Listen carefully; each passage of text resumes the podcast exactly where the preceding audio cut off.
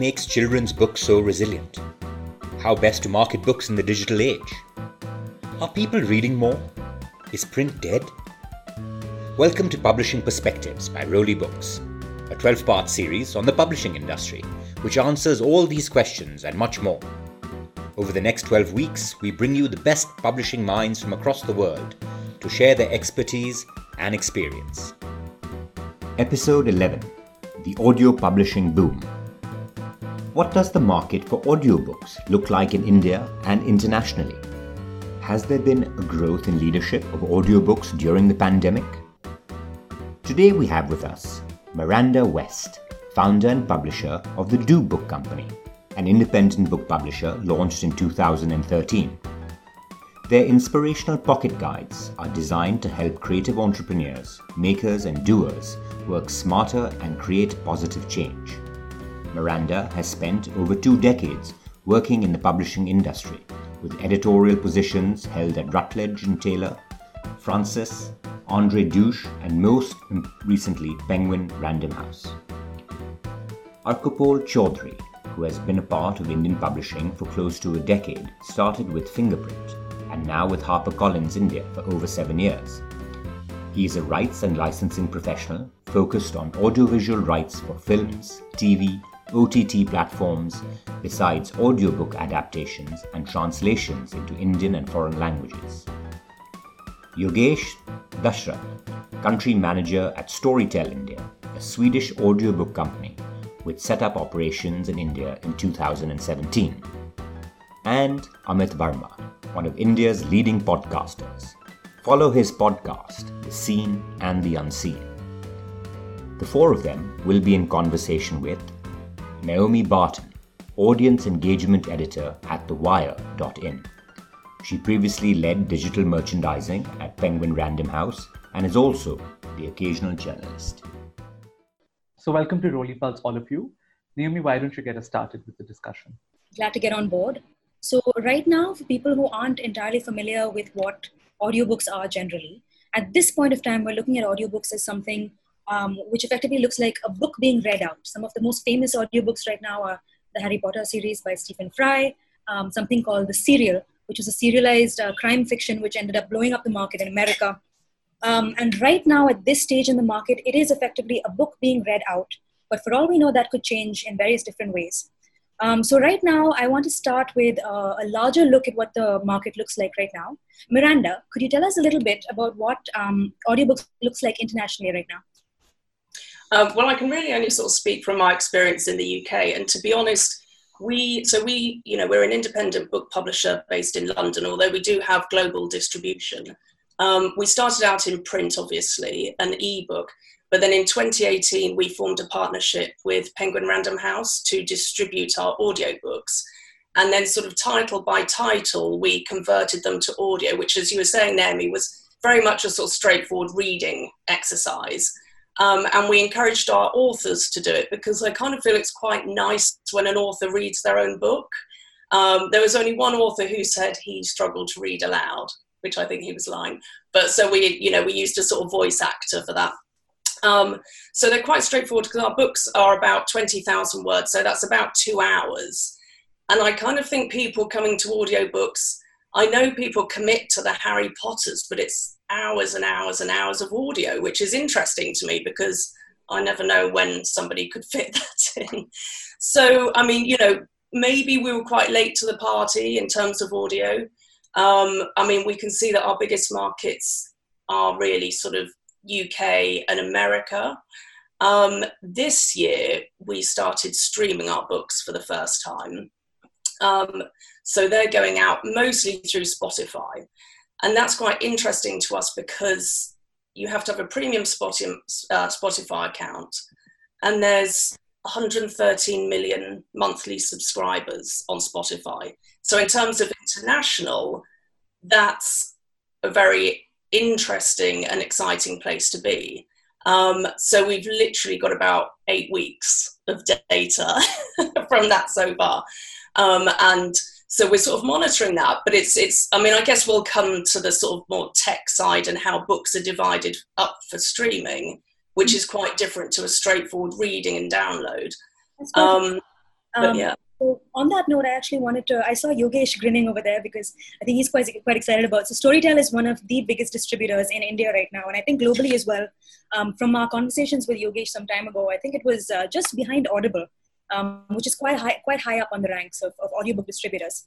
Yogesh, can you tell us a little bit about, um, like, I think from, for, for, right now you're handling the India markets, but from what I remember of Storytel, you guys have a global presence. You're trying to build a sort of like independent brand that doesn't necessarily depend on other sort of big name players as exclusively an audiobook um, kind of space. So how is that working out for you guys? I would say it's working out very well. Uh, you know, uh, of course, uh, right now Storytel and Penguin um, have a kind of a complicated relationship, I would say. But as you said, so Storytel is a Stockholm-based company. Currently, it's operational in 20 countries, and uh, we have more than uh, 1.2 million subscribers. Uh, so if I take a look at overall audiobook industry, and uh, so this was the data we had, uh, or the rather the management shared recently in one of uh, the meetings, is the total global audiobook industry right now is close to 4 billion US dollars. And even though US, uh, UK are quite leading, Scandinavia is, I would say, one of the leading regions when it comes to streaming audiobook services. Mm-hmm. As per the data, um, quite a, a, sudden sort of jump, isn't it? Like as of 10 years ago, say, audiobooks were nowhere close to these numbers on the maps at all. Absolutely not. I mean, if I take a look at India, when Storytel started in India, and I think we know each other from back then, same with Arco and Amit as well, who I know before Storytel was launched through a mutual friend. Uh, so streaming audiobook, Storytel was the first streaming book audio book company in the entire world if you think about streaming as a service. And there um, the unlimited access as a main thing we have seen that growing quite a lot in the coming times. Even in india in the last three years so three years back the industry was very small i mean but if i take a look right now especially in the last one year it's really zoomed off. You know arco can share some more numbers from uh, our esteemed friends so to speak as well. Uh, but i would say especially for storytel we have seen a lot of new people giving a tryout to the service. Yeah, um, Arco, interestingly, I actually found out that uh, I think as of as of last week, people are talking about how there's almost a 100% increase on digital book consume, consumption over the lockdown. Um, and audiobook happens to be one segment of that. So it might not have quite the steep kind of uplift as ebooks do, but uh, the yeah. lockdown has made people look at audiobooks. Um, so, what kind of response has HarperCollins been getting from their readers about audiobooks? You guys launched a program recently, didn't you? We haven't launched an official uh, Harper audio program in India as yet, but that program continues to be very much uh, available for you know users in all parts of the world because it's published from the UK and the US. But uh, to answer what Yogesh was saying, there is indeed been a very significant jump in audiobook listenership, uh, at least in the last four months of the lockdown. Um, and as per my last conversations with both Yogesh and uh, our partners from Audible, uh, it's, it's as high as 100%. The number of downloads and installs in the app have, have doubled. Uh, I am aware of Audible uh, ensuring that a large range of children's stories mm-hmm. are now available on Audible for free. And um, I remember speaking to a colleague of mine, and her daughter is in a school where they've made the download of the app mandatory so that they can spend the summer vacations listening to stories uh, for children. And there's no cost for this. This is a free access uh, at least during the lockdown. And i think a number of other publishers also sort of did similar initiatives where they decided to sort of give the library uh, complete access uh, to all readers from all parts of the world. So there has been a significant jump. Um, and at least at HarperCollins, what we've been doing is we have a, an initiative called Audiobook Thursdays, where we announce the launch of any of our titles that have just sort of gone into an audiobook format. So you'll, if you look at the hashtag Audiobook Thursdays on Twitter, you'll see at least one audiobook being promoted, you know, That's each amazing. week. I actually wanted to like this is quite fascinating because you're saying that in the lockdown itself, we've seen such a massive kind of, of, of of uh, gathering uh, to come in together to read stuff that's not traditionally visual. Um, Amit, I actually want to talk to you about this as well. You quite recently uh, held a, a, workshop on TikTok as well, I believe. Um, and there's been a lot of conversation about how um, the youth, so to speak, um, have been migrating from what we would call traditional platforms into otherwise uh, unusual platforms that we have no previous ground in. Um, simply because internet uh, um, usage has gone way high, uh, people have more access to internet than ever before. Um, a lot of people have been saying that it's possible that there will be a generational leap from from uh, digital books. They'll just skip uh, ebooks, like from print books, skip ebooks and go directly to audiobook. Um, in India, especially, um, given that there are so many different languages and literacy is something of a problem, people are also looking at audiobook as something that will explode that particular market.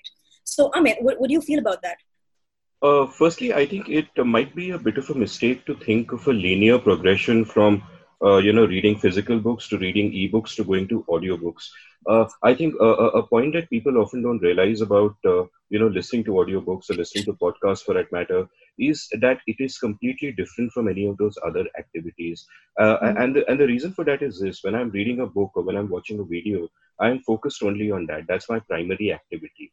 But mm-hmm. typically, the use cases for people listening to audio are when they are doing something else side by side. For example, in my case, it might be you know cooking or washing the dishes. But the most common use cases are commuting or uh, working out, uh, mm-hmm. and these are typically the common uh, use cases. Which is also why you know since you brought TikTok up, and uh, I'm kind of teaching a course on that. But the, but the thing is, TikTok and um, uh, is almost uh, the audience of TikTok is almost a polar opposite of uh, the uh, audience which listens to uh, podcasts in India because if you think about it, all of these use cases are, are, are use cases that apply to the privileged elite. You know, you're commuting in your car or you actually have the time to go jogging for an hour and so on, which is why podcasts and audiobooks to some extent have really taken off mainly right now among these English speaking elites in India. And hopefully that should, uh, you know, change with time. Now, uh, uh, to go back to what we said earlier about it not being a linear progression, I'd say that a lot of uh, you know people don't choose between reading books. The use cases are so different that uh, you know someone who may not have the time in his daily busy life to actually sit down and take uh, you know read a book for a couple of hours will in any case be commuting maybe not now but in future uh, will be commuting or doing errands or whatever and can use that time to passively uh, listen. It's a passive activity. And also, you know, Miranda spoke earlier about how she doesn't know how people have so much time to listen to Harry Potter and all that. Typically, people who listen to audio listen at, uh, you know, uh, listen at double speed, um, which, you know, very normalizes easily for them. So I listen to all of Yogesh's stuff like Raag Darbari on Storytel and all that at double speed. And um, uh, while they're doing something else. So, uh, uh, you know, the, the completely new revamp.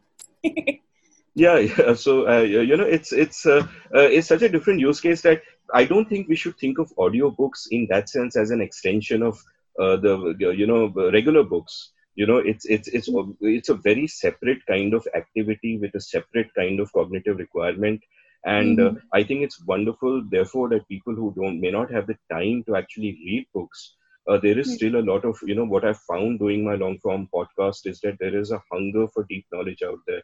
Everything we think about people having short attention spans and all of yeah. that you know they have this saying in youtube you got to catch them in the first four seconds. That's rubbish. People you know want to go deep. There's a hunger for knowledge and audiobooks and podcasts serve that that's amazing miranda i actually wanted to, to come around to you because of this um, so Amit was talking about how uh, there are different kinds of formats, different kind of content, but at the end of the day, there is a, a deep hunger for deep knowledge, um, which could be addressed by this particular thing.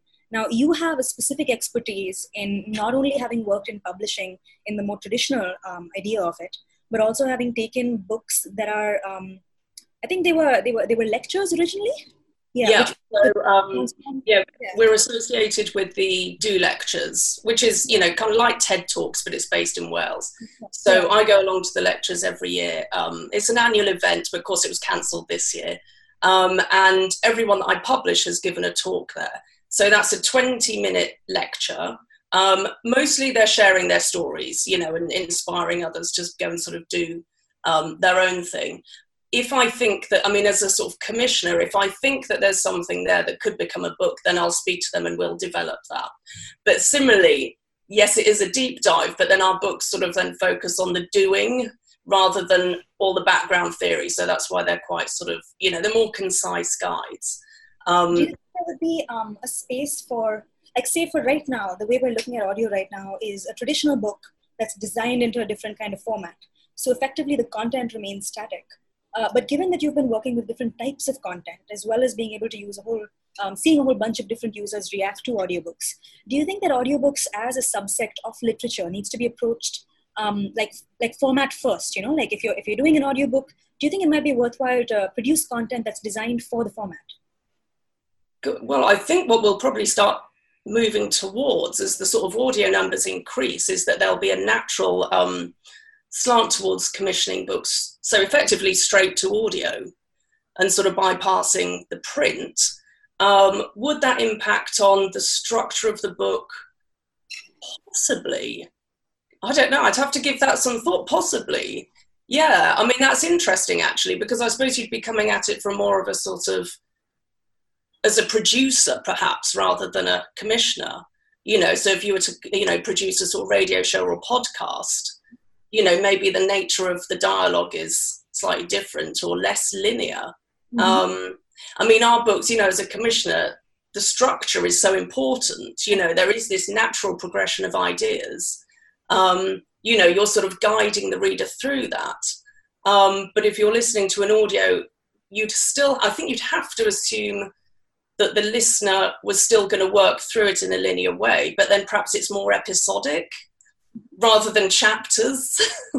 you know, I mean, that's interesting. I mean, I think in terms of whether you would commission straight to audio, I think that would depend on the downloads. I mean, you'd then have to sort of work backwards mm-hmm. and sort of think, okay, well, where are the sort of trends in audio and then commission straight? So, I mean, I think in lockdown, uh, interestingly, there were less, I thought there would be a big sort of surge in personal development, self improvement books because we're all trying to better ourselves during lockdown. But actually, it was more things like crime fiction and romance. so anyway, it's interesting. I suppose there's a bit more sort of data analysis that needs to come out of this. Um, and also, just back to lockdown, I think to your point, um, Amit, about how we consume audio, we actually, our numbers for the downloads were quite stagnant during lockdown. And I was trying to think why that is when there was all this talk about, you know, this rise in digital. Um, and my conclusion was that people weren't commuting and people weren't at the gym. So that was quite interesting. so I think there's just sort of things that are coming out of this more. Because I was sort of thinking, oh, ebooks and audio will just sort of go like that during lockdown, and yes, print will remain static. But actually, they sort of didn't which is interesting. Yeah. And then maybe it's because we weren't making those journeys and traveling. Possibly. I think I wanted to add on to a couple of things because given that we are a platform, and as Amit said, we do have data in terms of when people are listening to the books. And commuting was the normal time that, uh, you know, that was high peaks for us. And also the time when people were going to bed. So uh, while you go to sleep, going to sleep while reading to book is maybe not as much fun as going to bed with somebody telling you a story, especially when the voice is nice. At least I do it all the time and I really like it. Uh, what uh, Miranda said to a certain extent is also true that what we saw in lockdown was not that the listening dramatically jumped, it was just that the number of people who wanted to give a try to audio went up quite a lot.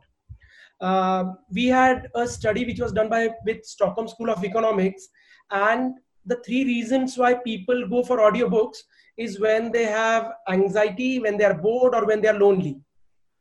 And if you think about lockdown, lockdown kind of matches with all three of them very well. So I think that was a kind of very um, you know obvious fit for audiobooks. And you're talking about straight to audio originals. You know, um, Storyside India. So our publishing arm, we published 80 original series which are written for audio. Oh my God.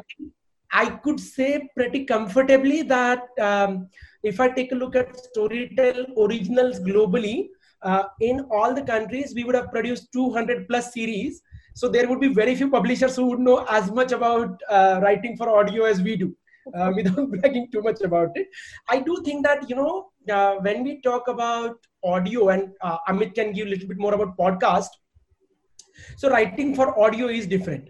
The way in which, at least when I tell my writers, is when you're listening, you cannot listen to too many people. So it is in a sense like theater when the number of characters you can hear should be limited. uh, but in scope it needs to be like a novel so the bigger books work really well it's not just harry potter's i mean most of our bestsellers in india are books like mrutyunjay and yugandhar and godan uh, these are all the books which are 20 hours 30 hours 40 hours and people happily listen to them uh, That's stunning. so it needs to have the length of a novel the immediacy of a theater and a constant hook points of a tv serial Mm. because when you're listening unlike a book you cannot read a whole bunch of pages and still get the story you know you can lose your attention very quickly which is why we call audiobooks as meaningful recreation so i think podcast. So there is an unstructured podcast and uh, you know amit uh, to a certain extent does that. There are structured podcasts and amit also does it because he's done both for us as well. Uh, and there are audiobooks which is narration of books. And there what our experience has been that writers do add value to it. So sometimes writers do make for great. I love neil gaiman doing norse mythology uh, but at the same time a lot of books you need great narrators. Um, you know we had a book of bangarwadi which was narrated by the uh, star who had also acted in the titular role in the movie. Not titular but in the movie itself. And that book has come out so very well. So i think we are just um, I wouldn't say that we are going back. You know, in India, we always had religious storytelling, which is audio storytelling, and there were 50,000 people listening to uh, some Bapu for seven days for eight hours happily. That's, you know, audio storytelling. As a company, I would love to have that sort of dedicated audience. But yeah, I, I, could, I can go on and on about how to write audio. I will not do that. but it is a distillery of audio storytelling but at the same time books being read very nice they're great as well like i also discovered raag darbari because we did it on storytel and i enjoyed it immensely i wouldn't have read it in hindi that would have been too difficult for my hindi Mm. This is actually something that I wanted to talk about in republishing. So, publishing generally right now, you manage rights for publishing. Um, and so far, uh, from what I understand, audiovisual rights were grouped in sort of one set, radio rights were one thing, TV rights were one thing, film rights were another thing. Um, so audiobooks right now, like I know um, when we were producing audio audiobooks at Penguin Random House, uh, the first step we had to do before we produced anything was to go back into the contract, see if we had the rights. If we didn't have the rights, we had to get the rights first. Um, do you think that um, that's the, given that audiobook is just sort of like breaking the market in terms of the kind of uh, thing it's, it's happening right now? Major publishing houses are super focused on getting those rights. Um, do you think that publishing houses see this as um, something that will complement the main business? Uh, do you think there's any kind of sort of um, I, can, I can see Amit getting a little nervy over there. do you think this is something that um, as publishers we're a little worried about the same way that ebooks kind of gave us a little bit of a scare circa 2011? Um, or, or is this something that publishing is just kind of leaning into?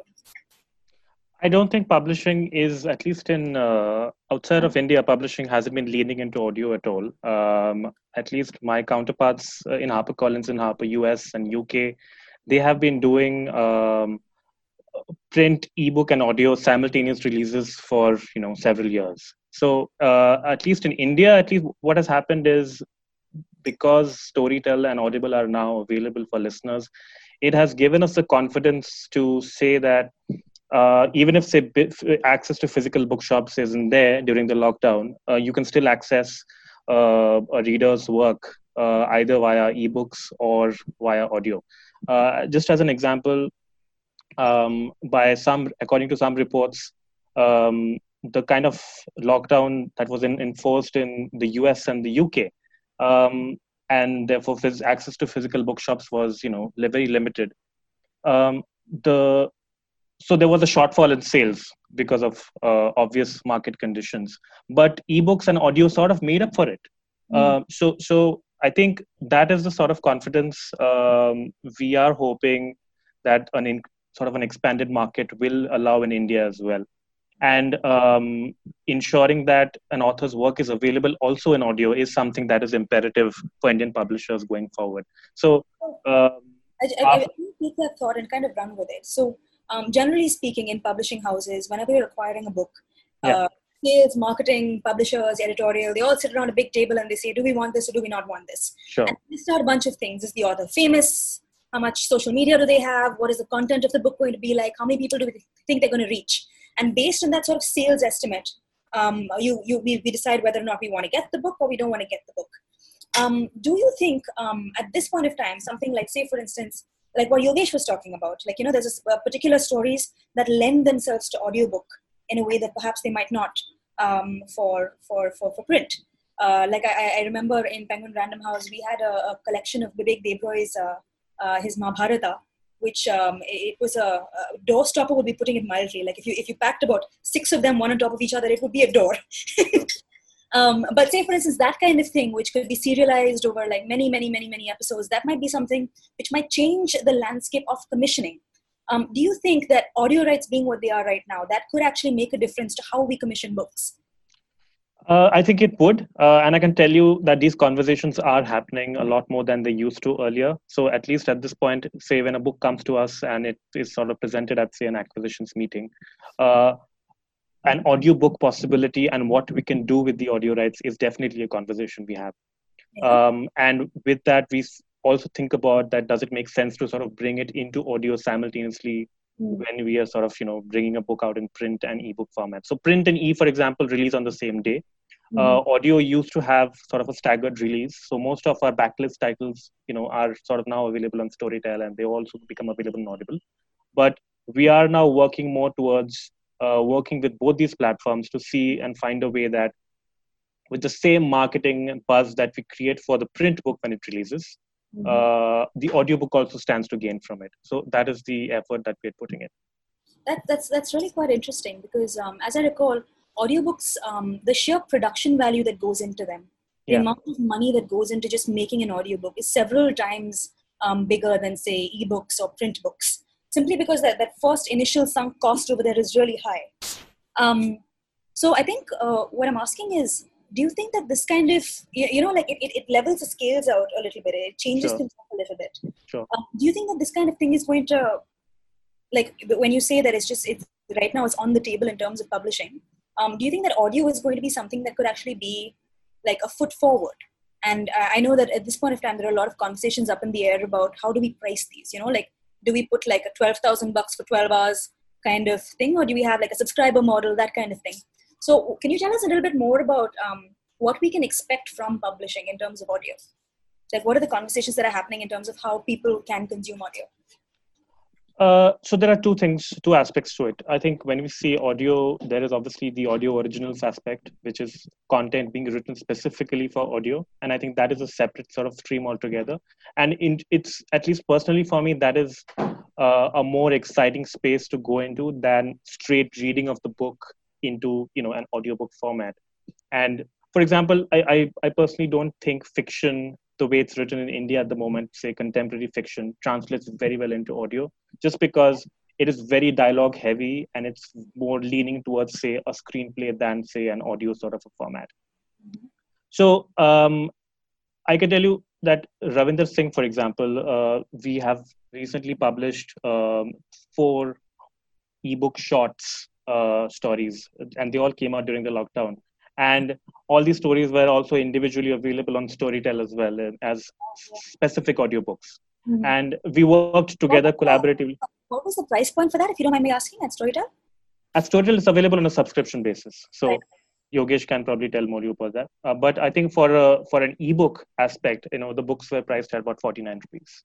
Right, right, right. So it's a short read, so you can finish it reading it in say about 20 25 minutes that's that, that, that's that's that's quite interesting in terms of sort of like making bite-sized content um, but these are still very much what I, I call experiments we are oh, still yeah. a long time away when we feel that the revenues coming in from uh, sales of the audiobook are going to contribute significantly to you know a, a book or you know the sales numbers yeah. that we collect we're still oh, and, yeah and also publishing tends to be a very um, legacy heavy kind of industry yeah uh, yeah. so amit you were saying that right now publishing is looking in terms of audiobooks it's restricted to a very small anglicized um, elite kind of readership.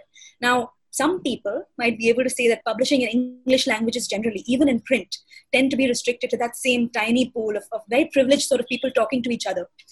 Um, audiobooks from what the conversations i've had with um, audible and with google google especially they're very interested in seeing whether or not they can actually reach um, sort of regional languages in a way that they have not been able to do with print and ebook.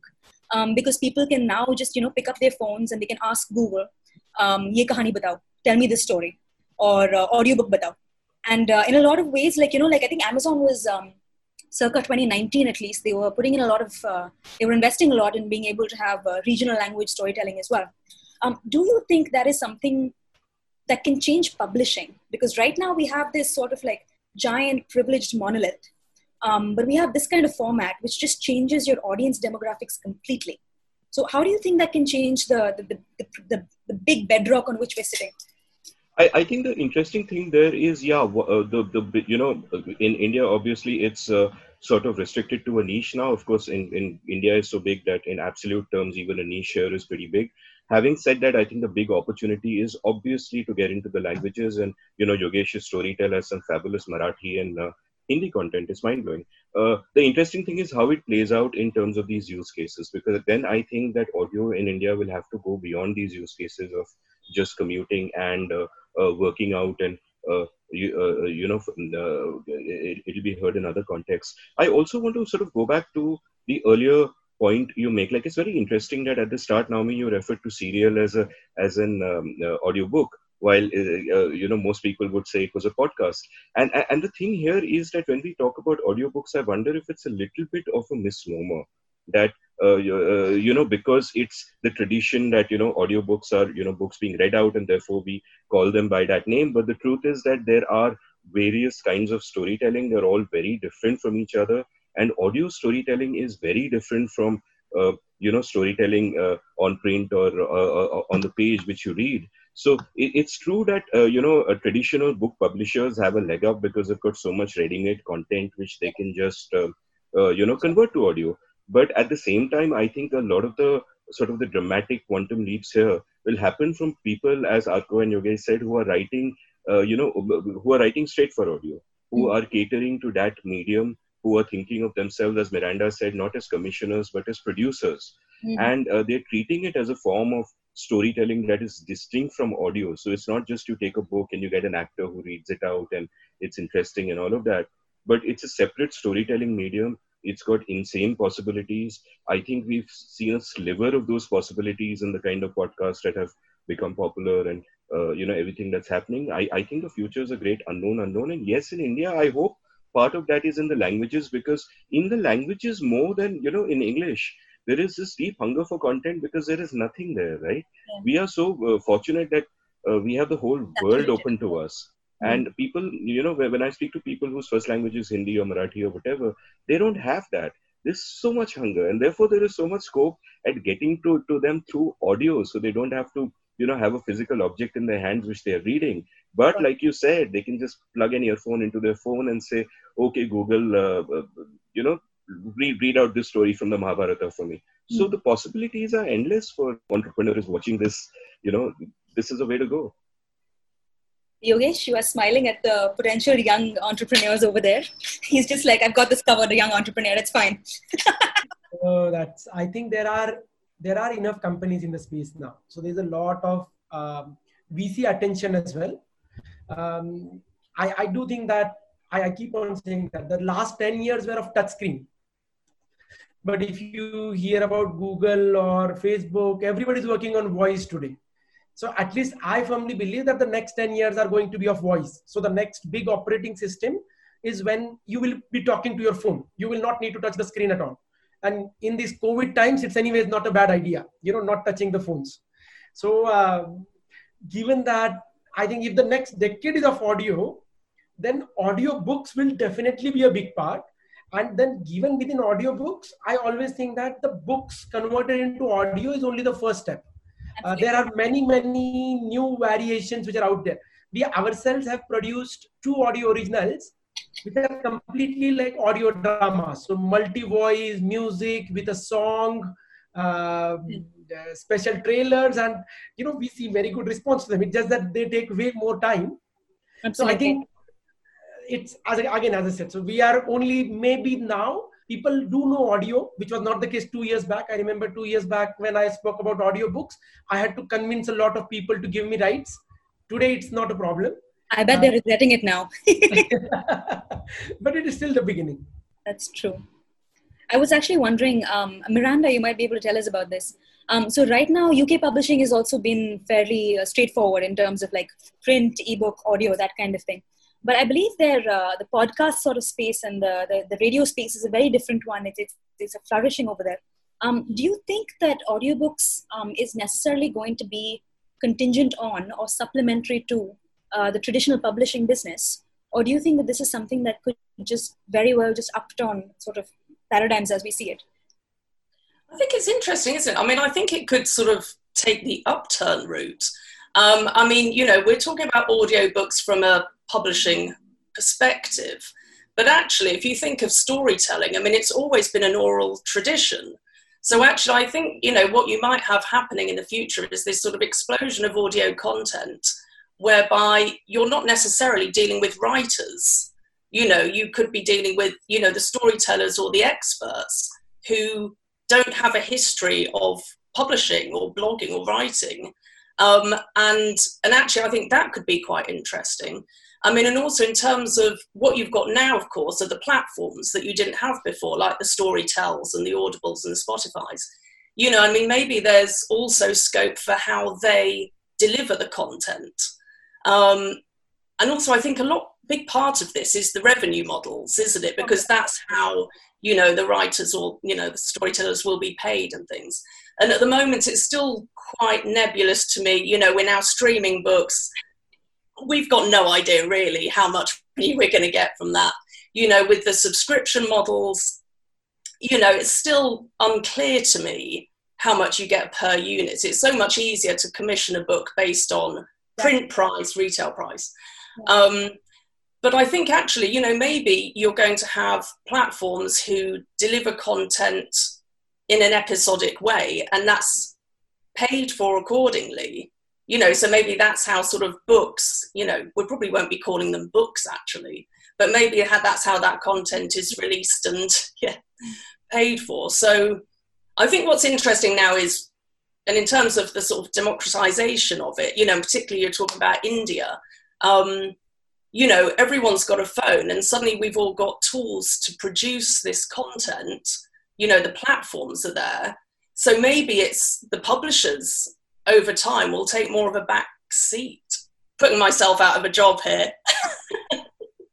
but you know, I think it's you know, there's you know, there's there's definitely there's an open playing field in terms of what's released, and I think what we're seeing with podcasters is that you know, it's this more sort of renegade. I'm going to start a podcast. These are my guests.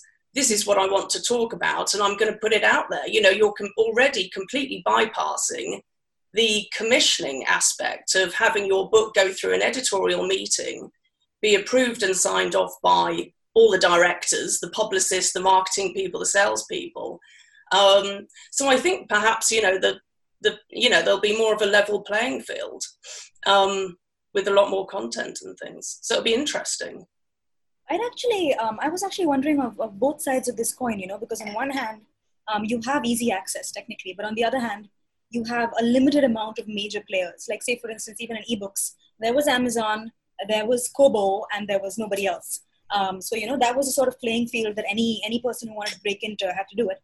Uh, and over here, it tends to be the same thing, except now um, uh, something like, uh, say, you know, like production quality does end up having a major, dif- makes a major difference, as Yogesh, I'm, I'm sure you, um, you, you understand. Um, so I'm actually wondering whether, you know, on one hand, it is such a democratization of, of content and of form.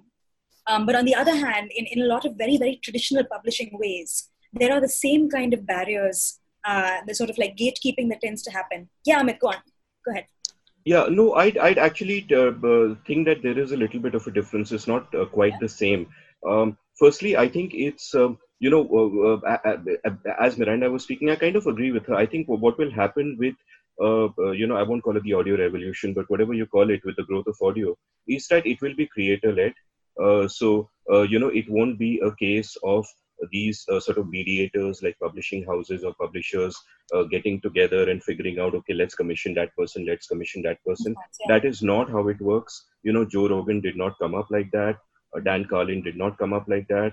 Uh, that's not the case here as well. It's it's going to be creator led and i think what publishers then need to do publishers or uh, you know, I, I, mean that I don't know how relevant that term here is, but what uh, you know companies who are putting together or platforming this content really need to do is just be open to that, and also in the the, the bar to production is not that high. Yes, you need good production quality in terms of, of course, you have to you know the audio has to be a certain quality because that's really the only sens- sensory input that you're getting. But having said that uh, you know having uh, you know made a number of podcasts myself and so on and running two weekly podcasts it is not high at all. It's quite cheap and uh, if you just show a little initiative you can go out there and get insane numbers. We've already seen that in the west and in a smaller way we are seeing it in india.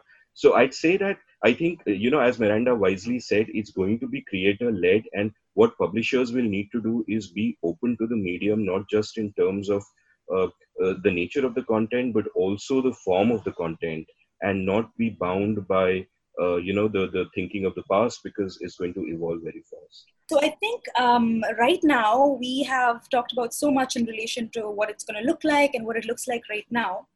And i think the one question i want to end all of this is with is uh, and this might be a little silly but humor me.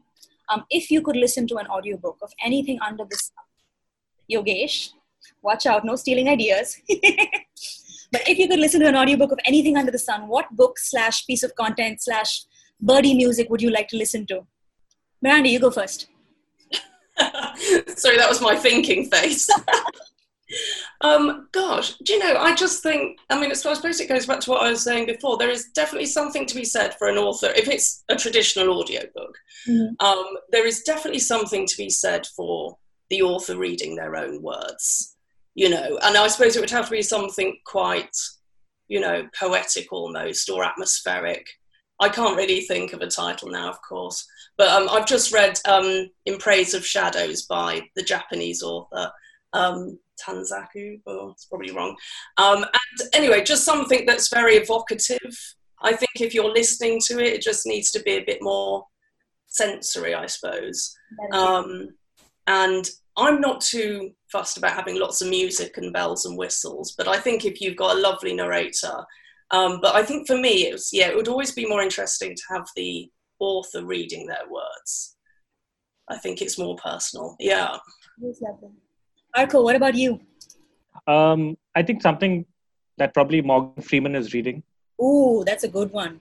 And with with background music by John Williams, maybe. Very nice, very nice. Amit, how about you? So Paris Review uh, decades ago did this series of interviews with writers called Writers at Work, and I'd love to listen to the unedited version because whenever I see a print interview, like my interviews go on to like 30,000 words. And whenever I see a print interview, it's like touching the surface. So I'd love to listen to the unedited rough cut of uh, the Writers at Work series by Paris. Sneak into their lives, yeah. Okay, Yogesh, I know you've got your, you're, you're, you're ready to go because you've already been producing so much of your favorite work. But okay, you know all your limitations right now, just throw them out of the window. If you didn't have any of those limitations and you could do whatever you want, what would it be?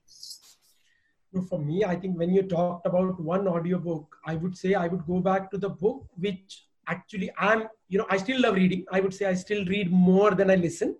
Um, and one of my favorite books is Three Men in a Boat. So, oh, don't get you good stuff. so I remember reading a version of it by Martin Jarvis, and that was, you know, this was a book which I had read tens of times. and still, when I heard Martin Jarvis narrating it, I think that was the first time when I paid for audiobooks. And oh, I said, okay, now free trial, I can become a paid subscriber.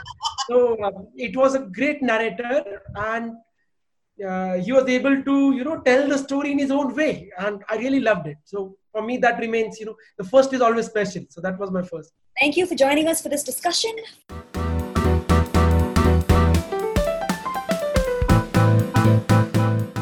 Thank you for listening. If you enjoyed this episode, subscribe to Publishing Perspectives. Follow Roli Books on Twitter, Facebook, and Instagram, and give us feedback. We would love to hear from you.